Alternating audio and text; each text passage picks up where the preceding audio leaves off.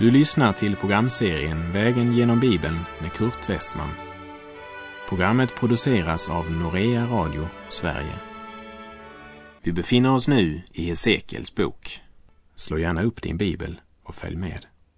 Vi har nu kommit till kapitel 2 hos profeten Hesekiel. Temat är kallelsen från Gud och andlig utrustning.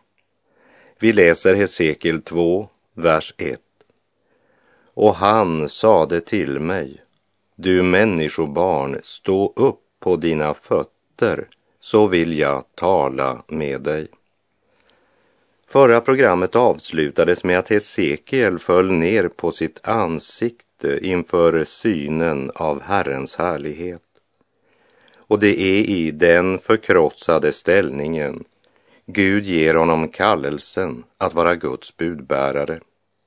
Och vi ska lägga märke till den nära förbindelsen mellan kallet från Gud och andlig utrustning och kraft för tjänsten. Människobarn, vi lägger märke till att det är under det namnet Gud tilltalar Hesekiel. Och vi finner det ordet över 90 gånger här i profeten Hesekiels bok. Och i Daniel 8.17 ser vi att även Daniel blev tilltalad med de orden. När Herren säger, ge akt på detta du människobarn, ty synen syftar på ändens tid. Det är endast Daniel och Hesekiel som tilltalas av Gud under det namnet. Människobarn eller Människosonen är också det namn med vilket Herren Jesus Kristus omtalar sig själv mer än 70 gånger i det nya testamentet. Människosonen talar om Kristus i hans förkastelse, förnedring och lidande och i hans upphöjelse. Han är verkligen Människosonen. Han är sann människa, dock utan synd. Hesekiel gick igenom mycket lidande. Det gjorde ju även Daniel och profeten Jeremia. Men Hesekiel är nog den som hade det tyngsta kallet av dem alla. Hesekiels uppgift var att gå till ett folk som trodde om sig själva att de var Guds folk, fast de i verkligheten hade förkastat sin Gud. Och Guds ande utrustar honom för denna mycket svåra tjänst. Vi läser Hesekiel 2, vers 2. När han så talade till mig kom anden in i mig och reste upp mig på mina fötter och jag hörde honom tala till mig. Guds ande utrustar Hesekiel för den uppgift han blivit kallad att utföra och ger honom den styrka och kraft han behöver. Den som Gud kallar att utföra en gärning ger han också kraft att utföra det han kallats till om han bara förblir i ljuset.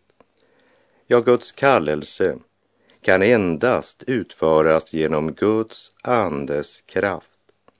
Därför är det viktigt att du inser att du inte kan utföra din tjänst i egen kraft, utan inser att du behöver kraft ifrån höjden till att vara Herren Jesu vittne.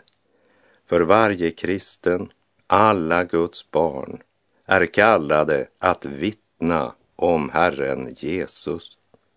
Jesus sa aldrig, jag sänder dig att vara teolog. Inte heller sa han, jag sänder dig att hålla föredrag om kristendomen. Han gav oss kallelsen att vittna om en person, nämligen Jesus Kristus, den utlovade Messias, Guds son. Mose insåg efter 40 år i Midjans öken att han inte kunde befria Israels barn ur träldomen. Men Gud sa till honom, jag ska göra det genom dig. Gud kallade Mose att befria sitt folk och det gjorde han. Inte därför att Mose var så speciell, men därför att Gud gjorde det genom Mose. Det var Guds verk och Mose gick på Guds order utrustad av Gud. Dessa sanningar är högaktuella idag. För det är den principen som gäller för präster och pastorer. Och samma princip gäller för alla i församlingslokalen. Och detsamma gäller evangeliseringsarbete och missionsfältet.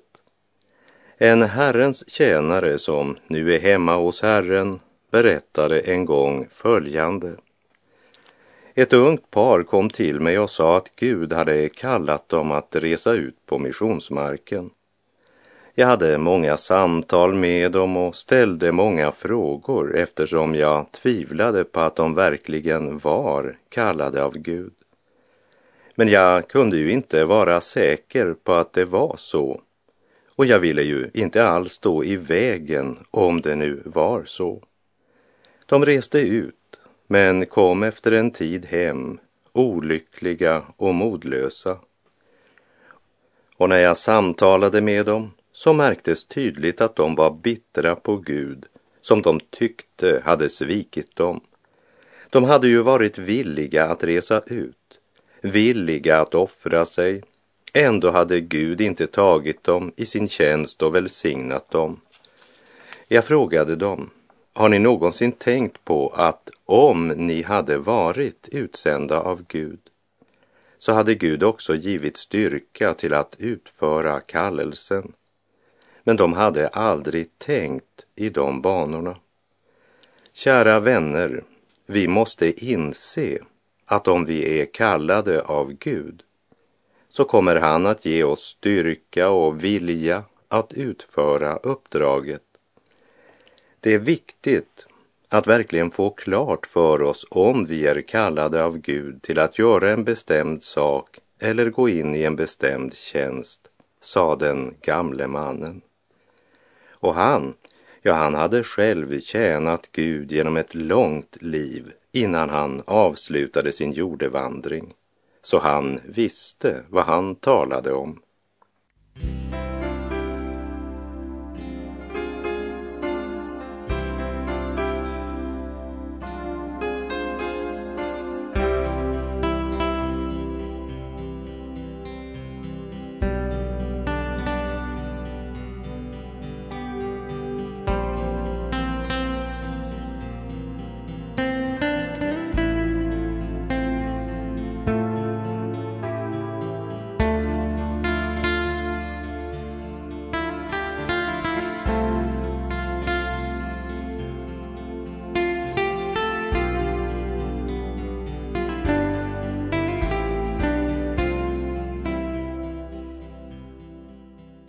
Även om många av Herrens tjänare hade en tung och svår uppgift, som till exempel Jeremia eller Daniel, så fick Hesekiel en tyngre och mer krävande uppgift än någon jag läser om i skriften. Jag måste säga att om Gud hade sagt till mig det han sa till Hesekiel så hade jag nog sagt vänta lite grann Ja, jag lämnar in min avskedsansökan med en gång. Jag tror inte att jag lämnar mitt jobb på marknadsavdelningen utan försöker heller göra mitt bästa där jag är och försöker avancera så gott jag kan och få ännu bättre betalt. Jag är så tacksam att Gud inte sa detsamma till mig som han sa till Hesekiel. För jag är både feg svag och ganska egoistisk. Jag beundrar Hesekiel. Lägg märke till vad Gud säger till honom angående hans uppgift. Verserna 3 till och med 5 i Hesekiel 2. Han sade, du människobarn, jag sänder dig till Israels barn, de avfälliga folken, som har gjort uppror mot mig. De och deras fäder har syndat mot mig ända till denna dag. Till barnen med fräck uppsyn och med hårda hjärtan sänder jag dig och du ska säga till dem, så säger Herren, Herren, vare sig de lyssnar eller inte. Ty det är ett upproriskt släkte. Skall de ändå inse att en profet har varit ibland dem? I en annan översättning står det, jag sänder dig till Israels barn, de avfälliga hedningarna som gjort uppror mot mig. Och det är helt riktigt eftersom det hebreiska ord som används här är ordet goj som Israel använde när de talade om de hedniska folken, de oomskurna. Så vad Gud säger i dessa verser är att Guds folk, Israel, hade sjunkit ner på samma nivå som hedna folken som fanns runt omkring. Gud säger, de har syndat mot mig ända till denna dag. De har fräck uppsyn och hårda hjärtan. Det är till dem Gud kallar Hesekiel att tala. Och de människor som är svårast att nå med evangeliet idag är församlingsmedlemmar. Dessa som är i kyrka eller församlingslokal, men som har förkastat evangeliet, förkastat Guds ord. Trots att de tillhör församlingen är de i verkligheten emot Gud. De menar att det att vara en kristen, det är att vara snälla små pojkar och flickor. De leker församling och det tycker de är en trevlig lek. De försöker vara snälla och lever ett ytligt liv som är ganska slött och komfortabelt. De vill inte att någon ska komma och säga att de är förlorade syndare som behöver omvända sig och börja lyda Guds heliga vilja.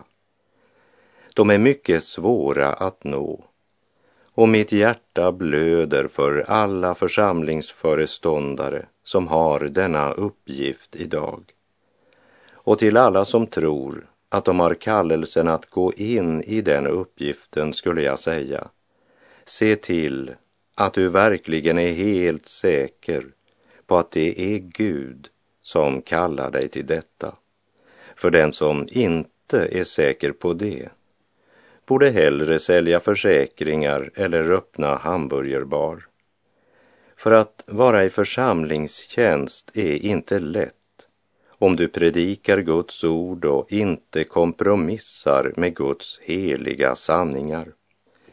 För avfallet är stort i vår tid, även om väldigt många tyvärr verkar vara helt ovetande om vad som sker i den andliga världen. Gud är alltid densamma och hans syn på synd är oförändrad. Men när saltet mister sin sälta så suddas syndabegreppet ut så att ingen känner längre någon oro i samvetet för något alls. Det har blivit viktigare vad andra säger och menar än vad Guds ord säger. Man är egensinniga och högmodiga och älskar njutning och bekvämlighet istället för Gud.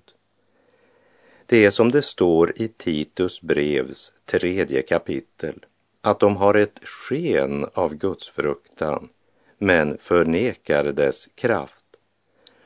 Och då är det inte kraften till att göra under de förnekar, för sensationer vill man gärna ha. Men här talas det om sådant